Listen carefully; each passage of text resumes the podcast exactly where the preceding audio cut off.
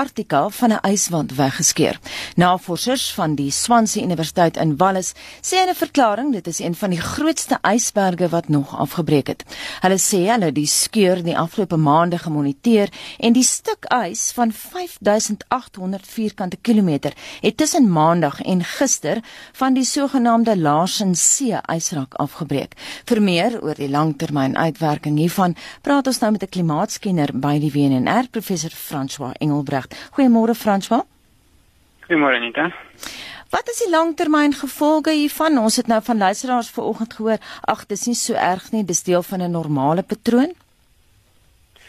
Ja, ek het so 'n bietjie geluister aan die gesprek vanoggend en die luisteraars wat van mening is dat seevlakke nie direk hierdeur geraak gaan word nie, is natuurlik heeltemal reg. Want ehm um, hoe die proses proses natuurlik werk is dat ons op die Antarktiese vasteland baie groot ysplate het wat die hele vasteland bedek. Maar gedeeltes van hierdie ysplate strek tot in die oseaan. En dit is een van hierdie ysplate wat as ware op die seeoppervlak gedryf het, so min of meer 200 tot 300 meter dik, wat nou losgebreek het van die kontinentale ysplaat self. En soos jy nou genoem het, is daar spesifiek een besondere groot ysberg van omtrent 5804 vierkante kilometer groot wat losgebreek het. Maar omdat hierdie ys al reeds gedryf het op die seeoppervlak, het dit nie 'n direkte effek op seevlakstyging. Wat wel nou moontlik kan gebeur is dat van die gletsers op die vasteland self nou baie makliker hulle weg kan vind en geleidelik kan gly tot in die see. En as al die ys wat tans nog sit in die Larsen See ysplaat op die vasteland self uiteindelik versmelt en in die see se beland dan kan dit 'n globale seevlakstygging van omtrent 10 cm veroorsaak en dit is nogal aansien as mens daar daar dan dink dat oor die afgelope eeu kyk ons maar na globale seevlakstygging van omtrent 30 cm en sou dit kon gebeur? Wat jy nou uh waaroor jy nou bespiegel? Sou dit kon gebeur? Dit is dit dit, dit is 'n moontlikheid. Ehm um, Wat ons wat ons weet is dat hierdie groot ysplate gedurig vorm van sneeu wat natuurlik val oor die Antarktiese vasteland. En dan verloor hulle massa deurdat ysberge losbreek of hulle word ook aan hulle onderkante gesmelt deur die oseaan. So daar's 'n voortdurende proses van groei en opbreek. Nou wat wel waar is is dat in hierdie spesifieke gedeelte van Antarktika het die temperatuur oor die afgelope 60 jaar gestyg met omtrent 5 grade Celsius dat die Larsen A ysplaat en die Larsen B ysplaat is omtrent al reeds heeltemal opgebreek.